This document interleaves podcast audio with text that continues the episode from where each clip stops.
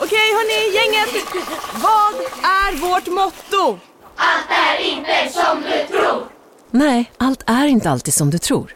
Nu täcker vårt nät 99,3 procent av Sveriges befolkning baserat på röstteckning och folkbokföringsadress. Ta reda på mer på 3.se eller i din 3-butik.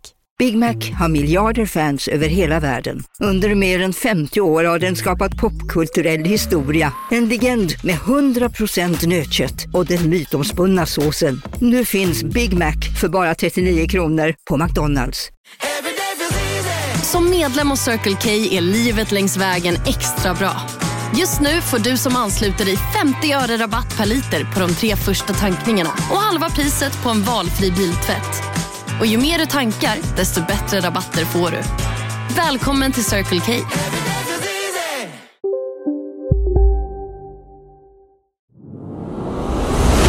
Fem kvinnor har på kort tid mördats av. Pojkvän är väldigt kontrollerande, vill veta vad jag är hela tiden. Om jag inte svarar på sms på 50 minuter så blir jag bestraffad senare.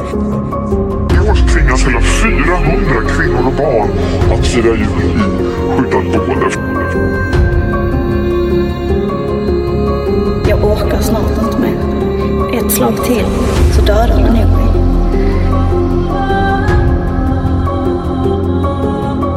Jag ber dig sluta slå mig och ditt svar är jag slutar slå dig om du börjar bete dig. Jag vill inte mer, vill inte mer, vill inte mer, vill inte mer. vill inte mer. Hej och välkomna till avsnitt nummer sex. Idag ska vi träffa Emily som är ett så kallat maskrosbarn. Eh, ja, vad är ett maskrosbarn, Emily? Ehm, Ett maskrosbarn är ett eh, barn som är uppväxt i en familj som levt med någon form utav ehm, ja, där det inte har varit bra. De har haft eh, alla odds mot sig, så att säga. En destruktiv familj Mm. kan man väl lite förklara där. Om man ser en maskros som växer upp på asfalten så är det därifrån det ordet kommer. För att, att man har haft väldigt tufft och hårt och då inga förutsättningar för att kunna blomma ut. Men, Men, då ändå gör du det. Ändå du tar dig genom asfalten och du blommar ut. Så, eh, Känner du dig som en maskros? Ja, men det gör jag. Du gör det. Ja. Super. Ja. Eh, ska vi börja med att eh, du kan få berätta lite om vem du är? Ehm, idag är jag en 35-årig tjej som eh, lever ett bra liv. Eh, jag har barn, bor i Hässleholm, uppväxt i Kalmar. Det hör man på dialekten. Ja. Okej. Jag ska, jag tänkte jag skulle berätta lite för våra lyssnare. Eh, Jag fick ju ett eh, meddelande från Emily på vår Instagram-sida, eller Facebook-sida. Vi finns ju både på Facebook och Instagram bakom våldets portar. Följ oss gärna. Eh, Och jag ska läsa ett litet stycke om Emelies historia. Jag är ett maskrosbarn och jag har alltså vuxit upp i en destruktiv och dys- dysfunktionell familj.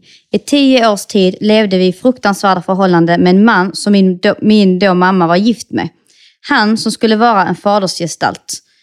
Från det att jag var ett till att jag blev elva. Han förgrep sig på mig i tio år, titt som tätt, och misshandlade min familj så fruktansvärt med både föremål och annat, samtidigt som han hade ett jobb inom arresten. Många gånger trodde jag att min familj dog och att han hade skjutit ihjäl dem de gångerna jag blivit inlåst. Kan ni förstå? Jag var ett litet barn.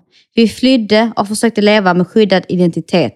Men han fick tag i oss precis överallt och jag låg gömd en gång i en stenmur när han fick tag i min mamma. Eh, jag tänkte, kan du bara berätta just den händelsen där när han fick tag i din mamma och du var gömd bakom en stenmur. Var, varför var du gömd bakom en stenmur? Kan du... Det var när vi skulle göra oss alltså, fria från honom. Mm. Ehm, mamma hade sagt att hon ville skiljas. Ehm, Han accepterade inte det.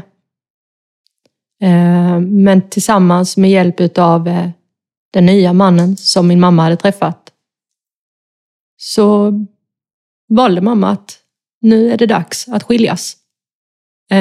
Han kom hem för att hämta sina grejer. Lite av det i alla fall den gången. Ehm, Jag visste att han skulle komma. Jag höll mig utomhus och jag var väldigt rädd. Jag förberedde mig att flytta undan stenar i stenmuren som låg intill huset där vi bodde. Så jag gjorde ett hål och gömde mig i stenmuren och såg när han kom. Ehm, Det dröjde innan han kom ut igen.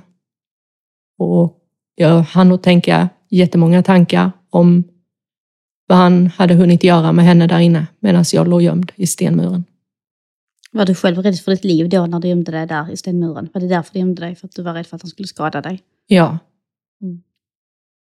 Eh, hade han skadat din mamma den gången? han hade hotat henne. Ja. Men han hade skadat din mamma tidigare. Väldigt mycket och många gånger. Eh, ska vi börja lite med när ni levde med att eh, monstret, som vi kallar honom. Ja, för du kallar han monstret själv. I, din- du har en Instagram eh, konto som heter Maskros som barn. Följ det jättegärna. Och där benämner hon det här förövaren för monstret. Så vi tänker att vi kallar han i Mm. monstret, för monstret i det här avsnittet idag också. Ja, han är inte värd att heta något annat. Eh, hur såg det ut när monstret kom in i ert liv? Ehm, Jag var ju väldigt liten då. Jag var ju ett år när min mamma separerade med min biologiska pappa. Ehm, Så jag visste ju inte annat än att monstret var min pappa. Eh, Och de gifte sig ganska så fort efter att de hade träffats.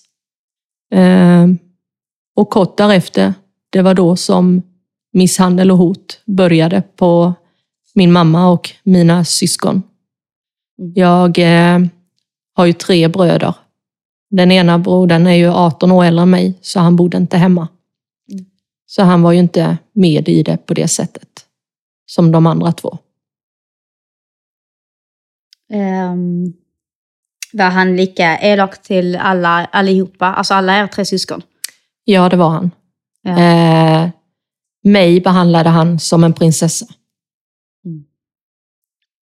Jag fick eh, jättefina kläder. Jag skulle äta mat. Jag skulle vara fin i håret. Medan mina syskon inte ens hade kläder som passade. Varför tror du han gjorde så? Jag skulle väl vara tillräckligt fin för honom, antar jag. Ja, för det fanns ju en baksida med det där. Att du blev speciellt behandlad. Vill du berätta lite om vad han har utsatt dig för? Och gärna när det börjar, eller om du Ja. minns hur det börjar. Ehm, jag var väldigt liten när min första händelse inträffade. Då var det min bror som kom in i hallen. Ehm, min yngsta bror som är tio år äldre. Ehm, han hade varit ute. Det var inget särskilt som hade hänt. Men monstret hade druckit alkohol, kommer fram till min storbror, drar av öronhänget så örat spricker. Blodet rann och jag stod och tittade på. Hur gammal kan du ha varit då? Jag var inte mer än ett par år gammal. När, eh, när började han utsätta dig för sexuella övergrepp? Ehm, jag kan inte säga exakt ålder, men det började ju ganska omgående efter att, ja, under tiden de levde tillsammans och höll på i princip varje dag, ända fram till de skildes. Var det aldrig någon som märkte någonting eller visste någonting eller anade någonting? Ingen märkte någonting. Alla levde antagligen alltså med sitt, att de, de blev slagna, de for ut igen. Mamma försökte göra så gott hon kunde. Och jag bara hängde med. Jag var ju inte så gammal. Nej. Jag tänker skolan och så också. Hur var du i skolan? När jag gick på dagis så var jag väldigt tystlåten. Jag kom nära kontakt med en dagisfröken som jag följer än idag på Facebook. Ehm, hon betydde jättemycket för mig. Ehm, jag kom ihåg när jag började där att jag tittade på dem. Där fanns en manlig dagisfröken också. Som jag reagerade på att jag tyckte inte riktigt om. Att han var lite mer sträng i tonen. Ehm, men de märkte aldrig något, för jag var väldigt tystlåten. Jag gjorde alltid som de sa. Men jag åt aldrig upp min mat. Varför gjorde du inte det? Hemma blev jag tvingad till att äta upp maten. Jag åt så jag höll på att kräka upp maten. För åt jag inte upp den så visste jag vad han skulle göra med mig. Så det var en liten frihetskänsla att oh, här behöver jag inte äta upp. Mm. Mm. Men jag fick sitta vid bordet och vänta eftersom man skulle ju äta upp även på dagis. Mm. Så där satt jag ensam kvar vid bordet med ett tänt ljus på bordet.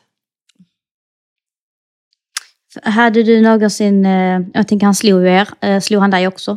Aldrig. Nej, så du hade aldrig någon blåmärken och sånt i skolan heller? Nej, Berättade du någonting för någon kompis? aldrig, någon gång. Ehm, Jag vet att ehm, det var många som reagerade på att han var sträng. Mm. Men det var aldrig någon som sa någonting. Alla skötte sitt. Hotar han dig någon gång med att berättar detta för någon så kommer jag... Liksom. Eller Det var alltid så att när vi gjorde någonting, han och jag, när vi var själva, så sa han att säger du någonting om detta så kommer jag att skjuta de andra. Men det var ju det han hotade med ändå, eftersom han ville att han och jag skulle bilda vår egen familj. Alltså det var så, så sjukt. Alltså, där kommer vi in på det, en fråga jag faktiskt har, för jag har ju läst om din historia.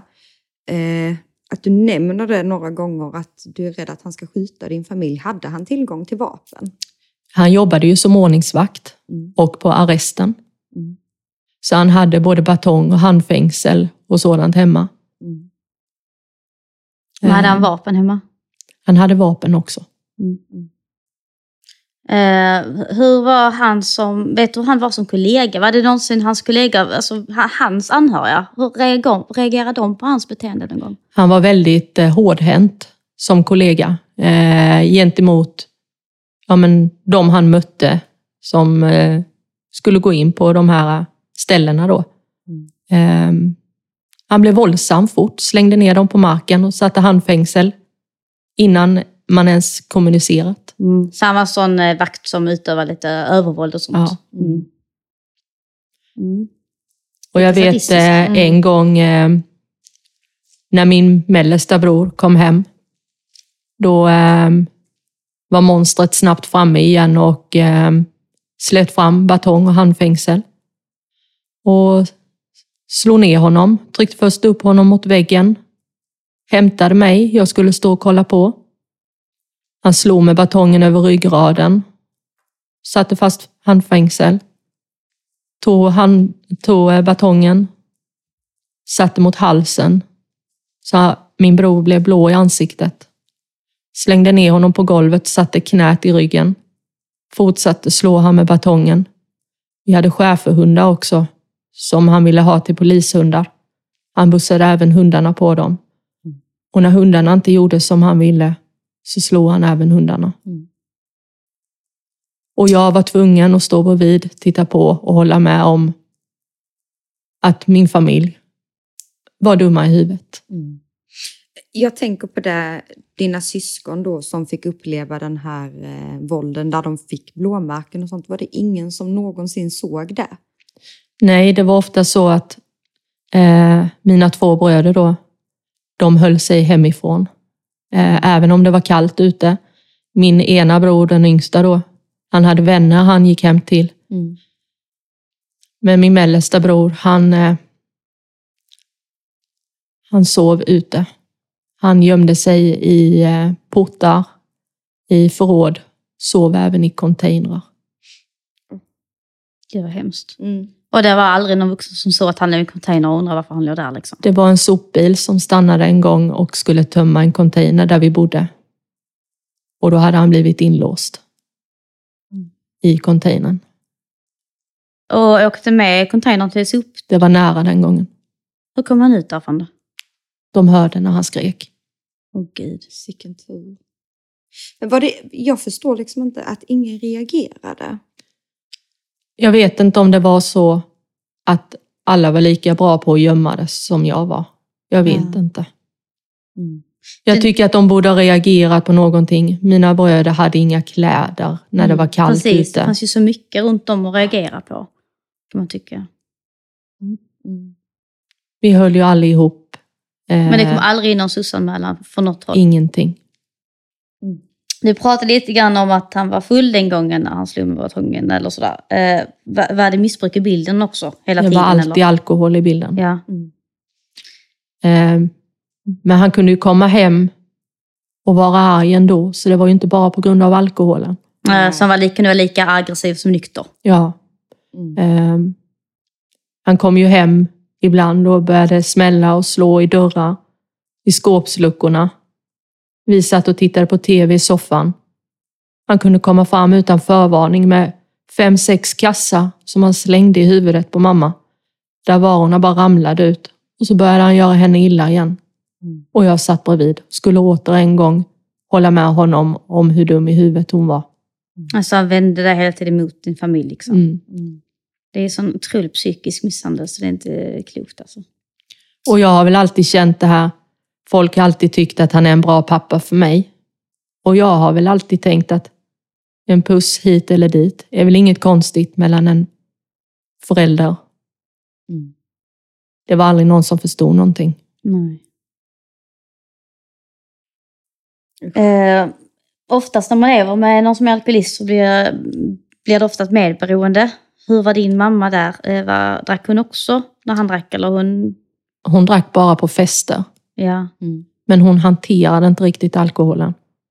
Nej. Ehm, Jag tror det var lite att komma från verkligheten lite. Mm. Gick din mamma emellan och skyddade när han slog dina syskon? Nej, det gick inte. Det gick inte. Nej, hon var också rädd. Liksom. Mm. Ja, det är klart. Jag var, jag var så glad också den gången för eh, ovanför oss flyttade in en familj. Mm. Och jag var jättenyfiken. Jag satt ute på en gunga den dagen. Och de var många flickor i den familjen. De blev också en trygghet för mig. Mm. Eh, det var dit jag sprang upp. När det var någonting. Mm. Det märkte ju inte de. De trodde ju bara jag ville leka. Mm. Men oftast var det ju så att när monstret hade fått för sig någonting så skulle han och mamma åka iväg. De skulle bara åka och handla. Men de kom inte tillbaka förrän efter en vecka och plötsligt satt en barnvakt i soffan som jag inte visste vem var. Den gången så sprang jag ut igen och då sprang jag upp till den här familjen. Och jag valde att sova där istället. Men, och de reagerade heller aldrig på att du var ensam så mycket som det ändå var? De trodde de aldrig att det var så här illa. Nej. Vet de det idag? Har de kontakt med den familjen idag? Ja, det vet de. Ja. Kan du nu i efterhand tänka att åh, vi borde förstå detta? Ja, Ja. det gör de. Hade de misstankar? De hade misstankar om att han var elak ehm, till en viss grad, men aldrig så här illa. Nej. De märkte att han var sträng och hård. Eh, lite väl dum ibland, men aldrig så här illa. Nej, de hörde liksom. Bodde ni i ett lägenhetshus eller? Ja, det gjorde Jag vi. tänker, hörde inte de Ja, det var det jag eh, bråken och slagen och skriken? Nej. Väl isolerat hus. Mm. Inte alltid det är bra. Nej, det är inga... Eh, har, du någon, har du några positiva minnen från barndomen? Det skulle vara att jag fick en kanin. Mm.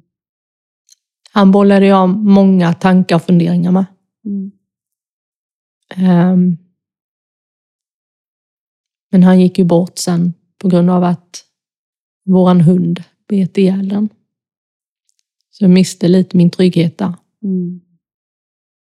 Jag var inte så gammal då. Nej, Tänk att ett litet husdjur kan ändå göra som stor Ja. skillnad att ha någon att prata med. Mm. Du måste ju känt dig fruktansvärt ensam som liten, tänker jag. Du måste ju ha burit på så mycket som du bara har skyfflat undan. Jag kände mig ensam och jag kände ett stort ansvar gentemot mina syskon och min mamma. Mm. Jag kände hela tiden att jag på något sätt var tvungen att se till så att de levde. En tung börda för en som är minst i familjen dessutom. Ja. Men han gjorde ju klart för sig att det var inte han och mamma. Det var jag och han. Kunde din mamma bli avundsjuk någon gång på den eh, relationen ni hade? Alltså, eller att, Nej. nej. Inte inte- alls. De nej. tyckte bara att vi var tajta, han och jag. Mm. Men han, eh, han, han sa aldrig de tankarna till henne liksom? Nej, mamma jobbade ju mycket. Hon jobbade ju inom vården. Mm. Så då var jag ju hemma själv med honom. Ja, då fick du mycket ensamtid med honom. Ja, det var ju då det hände och Jag vet, jag var ute och lekte en gång. Vi körde kurragömma på gården. Och rätt som det var så kallade han in. Det var klockan fyra. Då eh, var det dags att äta och duscha och gå och sova. Mm. Men eh, den gången följde grannens ena dotter med in och åt mat hos oss. Han hade öst upp jättestora portioner med mat och lite mjölk i glasen. Vi orkade inte äta upp. Hon fick gå hem. Men den gången blev han arg på mig och jag fick gå med in i duschen. Och då tryckte han duschstrålarna, alltså munstycket mot mig så duschstrålarna kändes som nålar mot kroppen. Mm.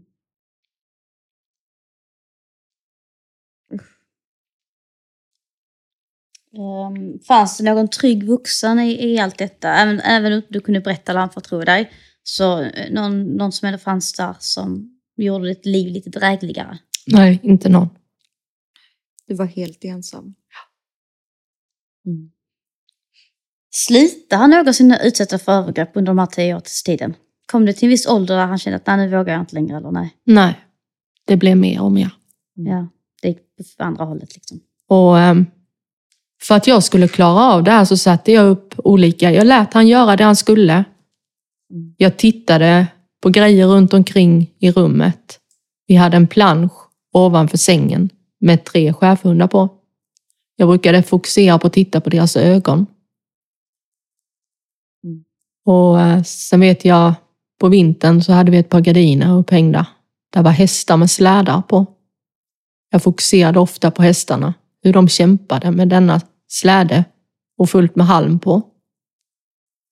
Det var sådana bitar jag fokuserade på. När han gjorde det han gjorde. Har, det, har, har hans övergrepp påverkat ditt sexliv idag? Kan du ha normalt sexliv eller det är liksom... I början var jag väldigt rädd. Ja. Ehm, och jag trodde aldrig att jag skulle bli som alla andra egentligen. Mm. Men eh, blir jag inte tvingad till saker eller någon pressar så tycker jag att allting är bra Ja. idag. Jag Mm. är, eh, jag är stark. Mm. Känner du dig stark idag? Ehm, jag känner mig jäkligt stark idag. Mm. Men jag kan också samtidigt känna mig som det lilla barnet. Mm. Ja, det är ju lite det man får läsa när man går in på din Instagram. Då får man ju läsa om eh, allt som du har varit med om och eh, det känns nästan som man är med. Du lägger ju upp bilder och Lite blurriga bilder på Ja. din barndom och så skriver du en text om ett minne som du Mm. har upplevt. Känner, har, du, har, har, har du kommit på grejer som du har förträngt och glömt och så, tänker du, eftersom du skriver om minnena? Kommer minnena vara, åh det måste vara, ploppar det upp liksom, eller? Jag har det hela tiden med mig. Ja. Eh, och vissa är ju extremt eh, svåra och jobbiga, hemska. Är det något specifikt som du absolut inte kommer vilja prata om någon gång eller? Nej, Nej, Du känner att jag vill att det ska ut. du vill att det ska Eh. ut. Ja. Vad är ditt värsta barndomsminne? Ehm, jag har, jag kan säga två utav dem som är som värst. Mm. Ehm, det ena var, det var en natt, ehm, då var han och jobbade. Då låg mamma och jag i sängen, för jag brukade vilja ligga nära henne. Och det ringer i telefonen och jag springer upp i mörkret och svarar. Och där är en röst som säger, hur skulle det kännas att se din mamma med en kniv genom hela kroppen? Eh, och jag vet att jag slängde på luren och jag blev jätteorolig. Men jag ville försvara mamma den gången. Hon undrade vem det var, men jag sa att det inte var någon. Ehm, sen var det en natt då, när han kom hem, som eh, han var arg. Vi låg och sov. Jag hörde direkt att det kom att hända något. Och min mamma sa, nu är det färdigt. Han kom in i en väldans fart och eh, slet tag i mamma och började slå henne i sängen. Och jag skrek sluta. Men han fick inte upp henne ur sängen. Så han slet tag i håret på henne och slet ner henne ur sängen så hon hamnade på golvet. Och han drog henne i, gol- i håret på golvet ut i köket. Um, Jag hörde att han gjorde henne illa där ute och jag försökte titta men samtidigt så höll jag täcket för ansiktet. Sen kom han in i en full fart och hämtade mig också och sa att jag skulle se på vilken jävla mamma jag hade. Så han ställde mig vid köksbordet, slog henne och slet av henne håret så det ramlade tussar på bordet och ner på golvet. Hon var trött och hon hade ont. Han sparkade henne han tog cigaretten från hennes hand och brände henne på handen.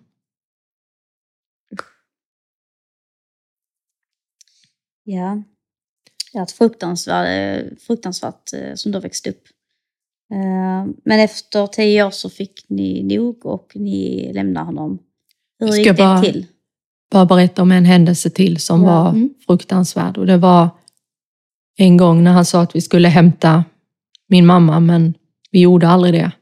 Han körde ut till ett sommarställe han hade som ingen annan visste. Det var bara jag som visste om det. Ehm, Det låg in till havet då, en vik. Ehm, När vi kom fram där till det här röda huset med blå knutar så sa han att här ska vi gå in. Det var fullt möblerat. Jag fick gå in i ett rum och där sa han, nu stannar du här. Nu ska jag åka hem och skjuta dem där hemma så vi kan bilda vår egen familj. Jag slet tag i en sån lerduvsfågel och blåste i den, allt bara för att inte höra hans röst. Så smällde han igen dörren och jag blev inlåst.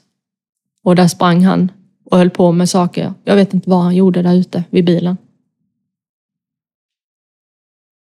Hur länge var det inlåst där?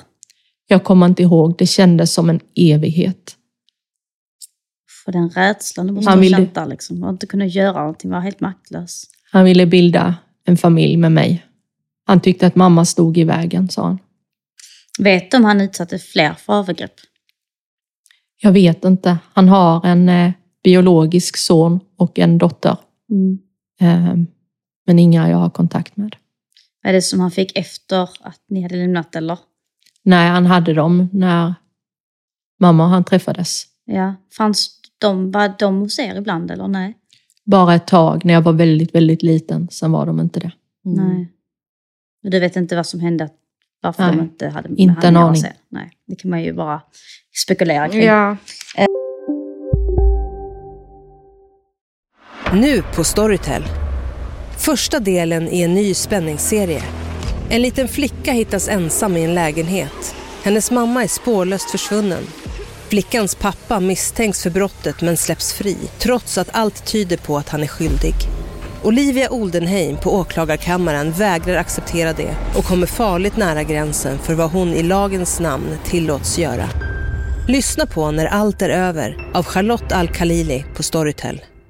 Hej, Susanne Axel här. När du gör som jag och listar dig på en av Krys vårdcentraler får du en fast läkarkontakt som kan din sjukdomshistoria.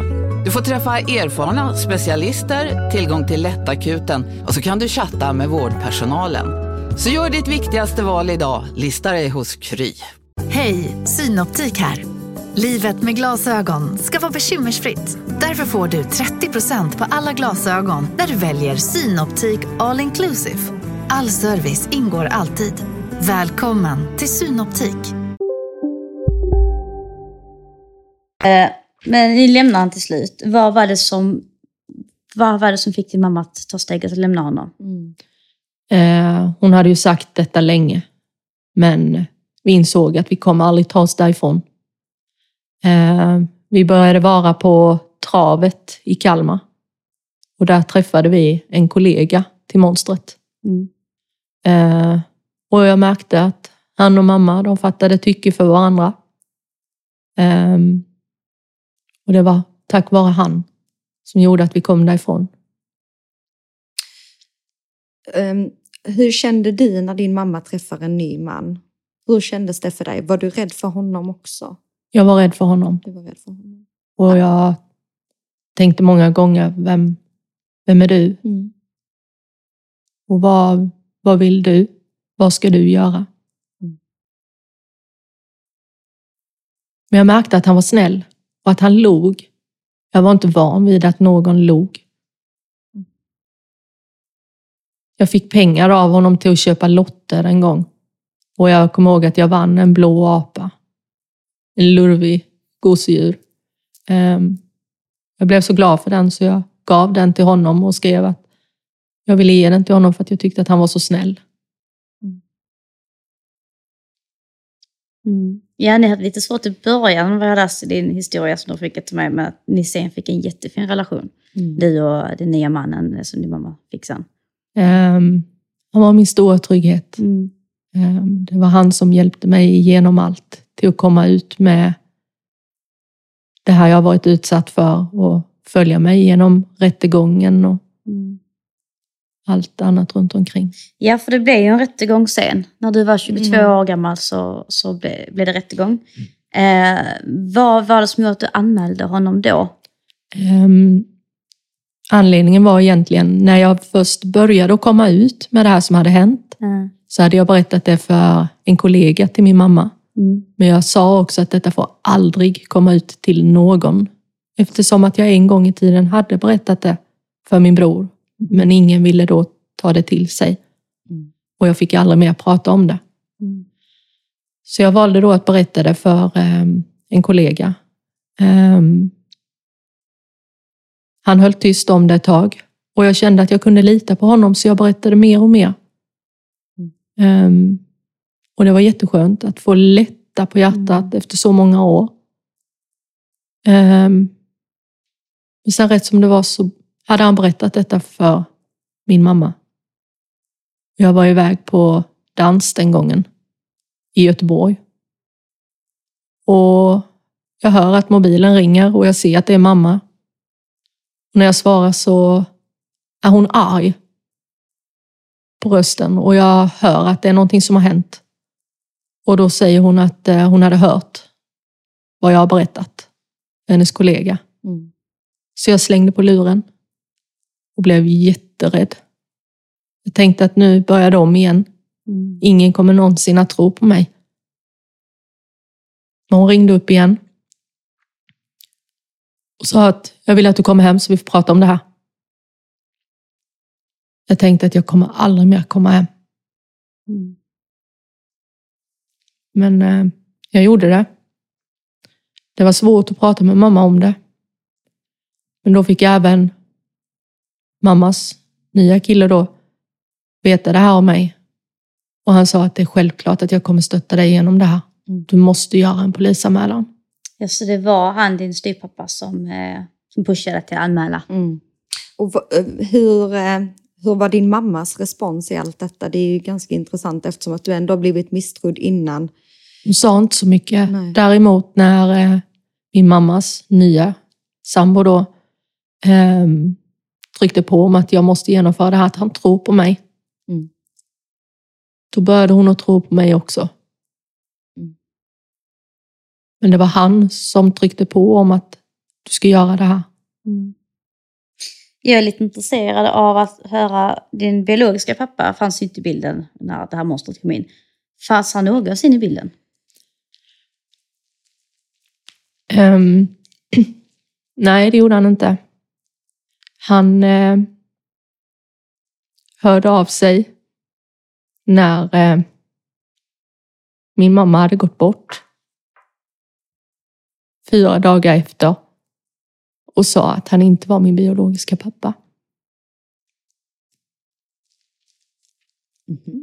Och vad var din respons på det då? Och jag svarade att hur kan du komma med detta nu när du vet att mamma dog för fyra dagar sedan? Verkligen. Dålig timing. Men han ville bara berätta att jag förmodligen var monstrets barn. Vad hände sen då? Jag sa att är det så att jag är monstrets barn så tar jag livet av mig. Blev det någon faderskapsutredning och så kring detta då? Ska vi ta en liten paus? Mm. Så. Är du redo? Så behövde vi ta en liten paus där. Det blir lite jobbigt. Eh, och det är bara att säga till för du behöver fler pauser. Det är inga problem. Eh, som sagt, blev det någon faderskapsutredning kring detta då? Så att det fastställdes om du var din biologiska pappa eller ditt monster? Jag blev ju besviken Och dessutom kände jag ju att jag inte leva om jag var hans dotter, monstrets dotter. Ehm, Så jag ringde till socialtjänsten eh, på kommunen och sa att jag var mitt uppe i en begravning med min mamma och att det har varit tufft för jag har förlorat ett barn också. Jag orkar inte gå igenom det här också. För är det så att monstret är min pappa, då vill jag inte leva längre. Så vi gjorde den här, men jag ville vara själv och att han fick komma på en annan tid. Ehm, det var långa dagar att vänta in svaret på. Det förstår jag. Men han var min biologiska pappa. Ja. Fick du någon ursäkt då från honom? Han sa bara att han var glad att jag var hans dotter. Hur är er relation idag? Har ni någon relation alls? Du är din biologiska pappa. Inte mycket prat alls. Nej. Nej. Jag tänkte om eh, du skulle vilja, nu backar jag tillbaka lite igen, om du skulle vilja ta med oss på eh, ditt första polisförhör. När du bestämde dig att nu anmäler jag. Hur gick allting till då? Ehm, jag hade ju min mammas sambo intill mig Mm. och ringde upp samtalet då till polisen och sa att jag skulle vilja göra en anmälan om övergrepp. Och det var ju lite speciellt eftersom det hade tagit ett tag från det att övergreppen var tills då. Ehm, så jag fick ju komma in på förhör. Och jag vet att jag tyckte det var jättetufft eftersom kamerorna var nära ansiktet och jag försökte förklara så gott jag kunde. Men de ville ju höra orden i detalj. Och det var väldigt svårt att förklara vad han hade gjort i detalj.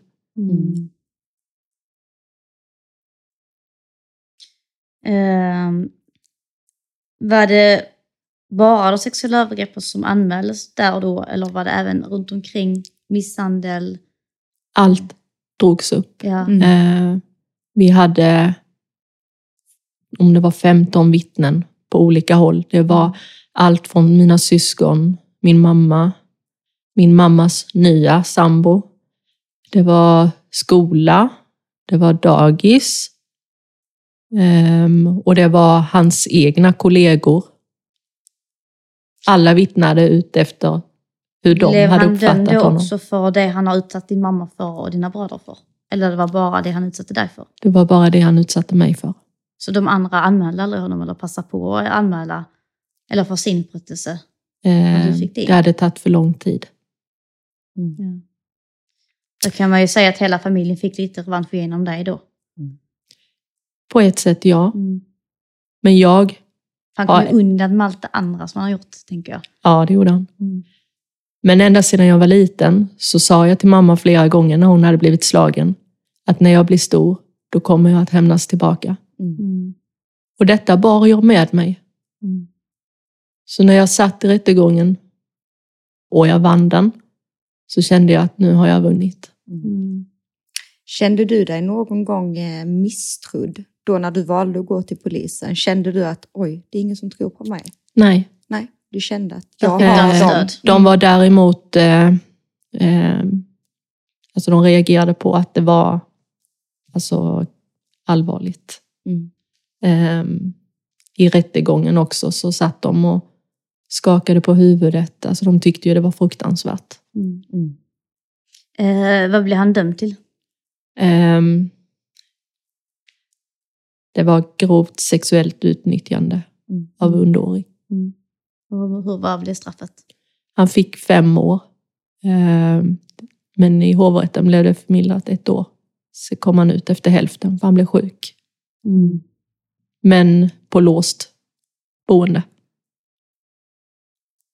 Hur kändes det? När, han, eh, när det blev förmildrat. Mm. Jag tyckte det var fruktansvärt och jag blev väldigt rädd för jag tänkte att nu kommer det att börja hända saker igen. Var du rädd för att han skulle hämnas på dig Ja. när han kom ut? Liksom? Det började ju med att komma skyddade samtal igen. Och jag var på polisstationen för att söka skydd. Mm. Eh, Jag ville ha larm och annat. Eh, Så vi pratade mycket om det. Men så ringde de en dag och sa att han hade blivit sjuk. Eh, Och att han förmodligen inte kommer kunna göra oss någonting mer. Hur kändes Men jag, det då? jag var rädd ändå. Mm. Jag ville inte att han skulle leva. Nej. Hur långt efter att han blev sjuk gick han sen bort? Eh, Det tog något år innan han gick bort. Eh, Men jag vet att polisen ringde mig då när, det, när han hade gått bort. Och jag blev jätterädd när jag såg numret för jag tänkte att nu har han rymt. Mm. Nu, nu kommer han. Men eh, då sa de att han hade gått bort. Hur kändes det att få det, det dödsbeskedet? Jag blev jätteglad. Ja. Mm. Jag känner att du fick frihet på riktigt, liksom, tänker jag. Jag kunde börja leva. Mm. Hur, har det, hur har processen sett ut sen dess då? Så att, från att du började leva igen, så att säga. Ehm, Jag har väl alltid känt mig lite orolig ändå. Mm. Även om jag vet att han varit borta så har jag ändå tänkt att det kan ju finnas någon han känner. Ja, det var det jag tänkte på lite. Hans familj, om han nu hade familj och anhöriga och vänner. Har de någonsin vänt sig emot dig? Det kan ju bli en liten... Han var rätt ensam. Han var rätt ensam, okej. Men däremot har det stannat en bil utanför eller någonting så har jag alltid reagerat. För det var ju så han gjorde. Mm. Han stod ju och siktade med vapen och så. Så vi fick krypa längs väggarna inomhus. Hur, eh, hur blev din relation med din mamma efter rättegång? Hur reagerade hon under rättegången när han blev dömd och så? Kände, blev hon, var hon glad också? Ehm, hon var ju inte med på rättegången eftersom att hon behandlades för cancer. Mm. Och det jobbigaste med hela rättegången var egentligen att behöva se henne sitta i en rullstol på en skärm. När hon egentligen bara behövde fokusera på att bli bra från sin cancer. Mm. Ehm, hon gjorde så gott hon kunde. Att Och hon sa vad hon sa också. Hon sa att hade hon sett han på ett övergångsställe idag så hade hon inte stannat bilen. Mm. Eh, vi pratade lite grann innan den här inspelningen också. Du berättade att din mamma ofta, när hon lämnar flera gånger om att hon känner en saknad och vill gå tillbaka till honom trots vad han utsatte både henne och er för. Hur kände du då när liksom din mamma uttryckte en längtan tillbaka till en förövare som du var glad att ha kommit ifrån? Jag kunde aldrig förstå det. Nej. Du kan Mm. fortfarande inte förstå det. Liksom. Nej. Nej, det är väl lätt att man tänker att modersinstinkten och framförallt när man själv är mamma också. Att man tänker att modersinstinkten borde ta över där ju. Och känna att man vill skydda sina barn. Mm. Det var ju det vi pratade om att du gör ju allt för att skydda dina barn. Mm. På tal om att skydda dina barn, eller skydda barn. Eh, jag tänker på din biologiska pappa där igen. Vet han om vad du har utsatts för? Vem sa Din du? biologiska pappa. Ja, det vet han. Har han uttryckt något dåligt samvete att fan förlåt att inte jag fanns där, där för dig och kunde hjälpa dig, skydda dig som din pappa jag borde vara? Ja. Ehm, han har sagt att han ville ha kontakt med mig och ha mig. Men att han inte fick. Jag har valt att säga att jag tänker inte stå bakom någon sida. För jag kommer aldrig få veta sanningen Nej. ändå. Nej. Jag är uppväxt med mamma och hon gjorde så gott hon kunde. Mm. Jag får försöka tänka så. Mm. Mm. Uff. Det är känslosamt Ja. detta. Så du har ju verkligen gjort en resa. Mm. Eh, på vilken plats i livet är du idag? Ehm, men det hänger ju alltid med mig på ett eller annat sätt. Ehm, även om jag gått vidare så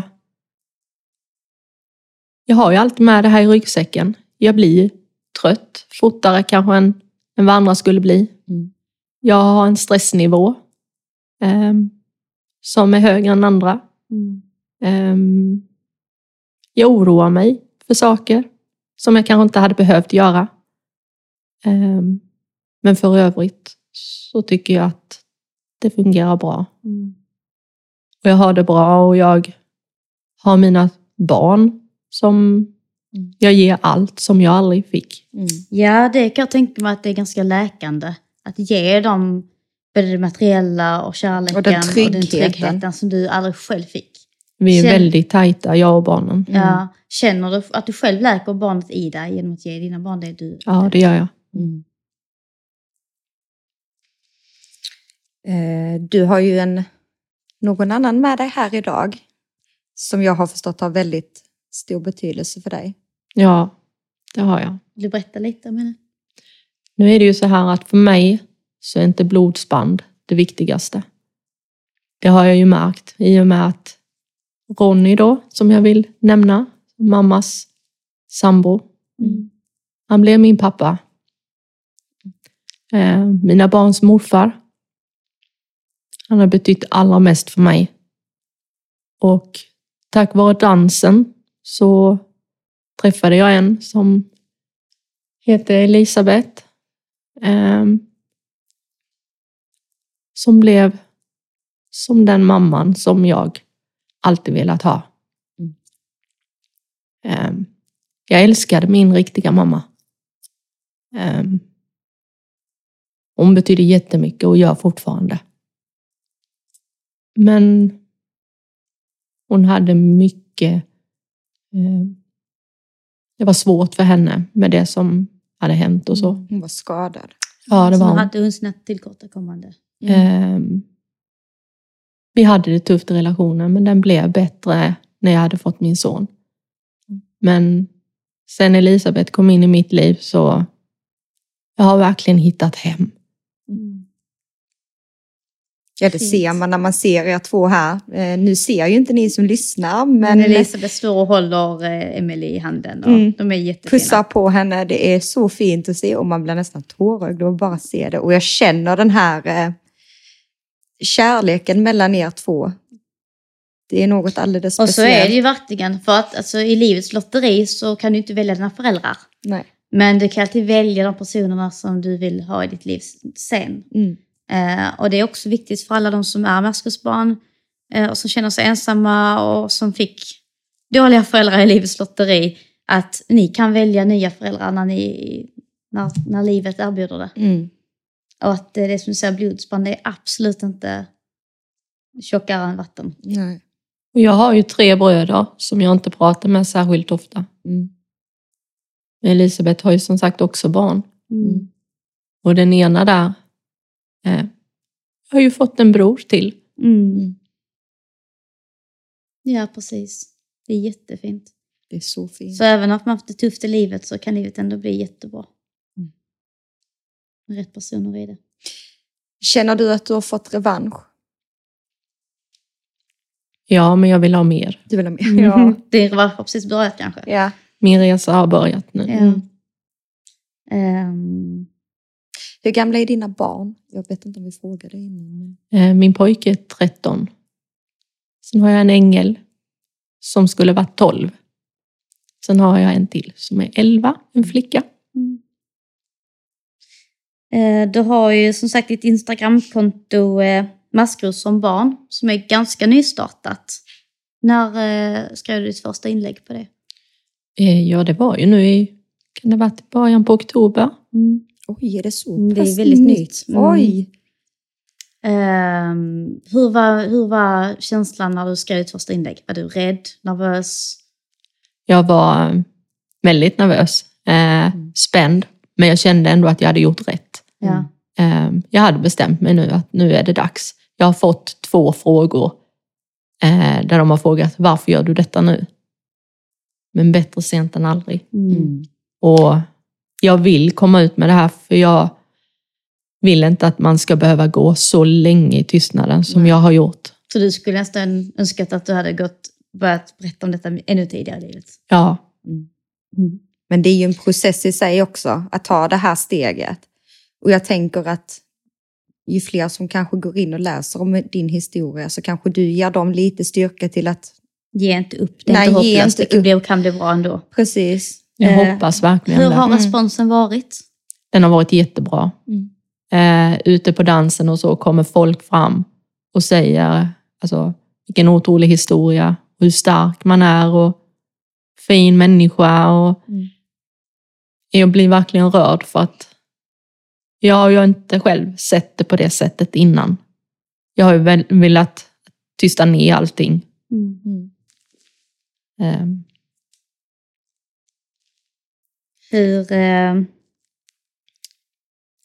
är det någon du vill... Nej, jag Nej. tänkte först ställa en annan fråga. Uh, om du skulle få säga någonting till lilla dig. Om du skulle få säga någonting till ett barn som går igenom detta. Uh, vad skulle det vara?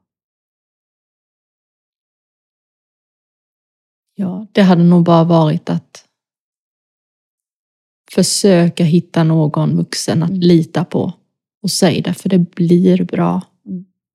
Det är jobbigt just då, men det blir bättre. Det blir bättre. Ja, precis. Att slippa bära på det själv. Mm. mm. Har du någon du skulle vilja tacka lite extra? Den jag vill tacka är ju Ronny då. Mm. Eh, mammas sambo. Som tyvärr inte finns med i livet idag. Eh, han gick bort för två år sedan. Det var en rättegång, eller rättegång, det var en eh, begravning som var tuff där med. Mm. Eh, eftersom att jag inte var biologisk och han hade en biologisk dotter. Mm. Eh, men han vill jag tacka för att han räddade livet på hela min familj. Men han trodde på mig genom allt. Min förebild. Så fint. Och sen vill jag tacka Elisabeth. Mm. för att hon har kommit in i mitt och barnens liv. Mm. Ja, och vi vill ah. tacka dig för att du har kommit ja. och berättat eh, din historia. Och eh, hoppas att du ger många styrka och fortsätter att berätta och öppna och processa mm. din, din barndom. Och att du har haft din beskärda del nu av tråkigheter och svårigheter. Och att ditt liv blir, fortsätter i denna, mm. att bli bättre och bättre. Det är du värd. Mm. Verkligen. Och det ska man inte glömma, man är ju aldrig ensam. Mm. Ja, ja, och vi vill tacka våra lyssnare. Ja, tack så jättemycket. Och vi hoppas att vi ses igen i nästa avsnitt. Mm. Tack, hej då. Hej.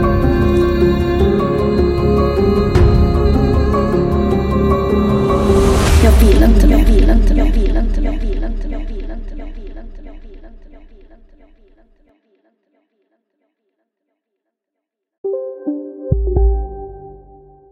Välkommen till Maccafé på utvalda McDonalds restauranger med Baristakaffe till rimligt pris.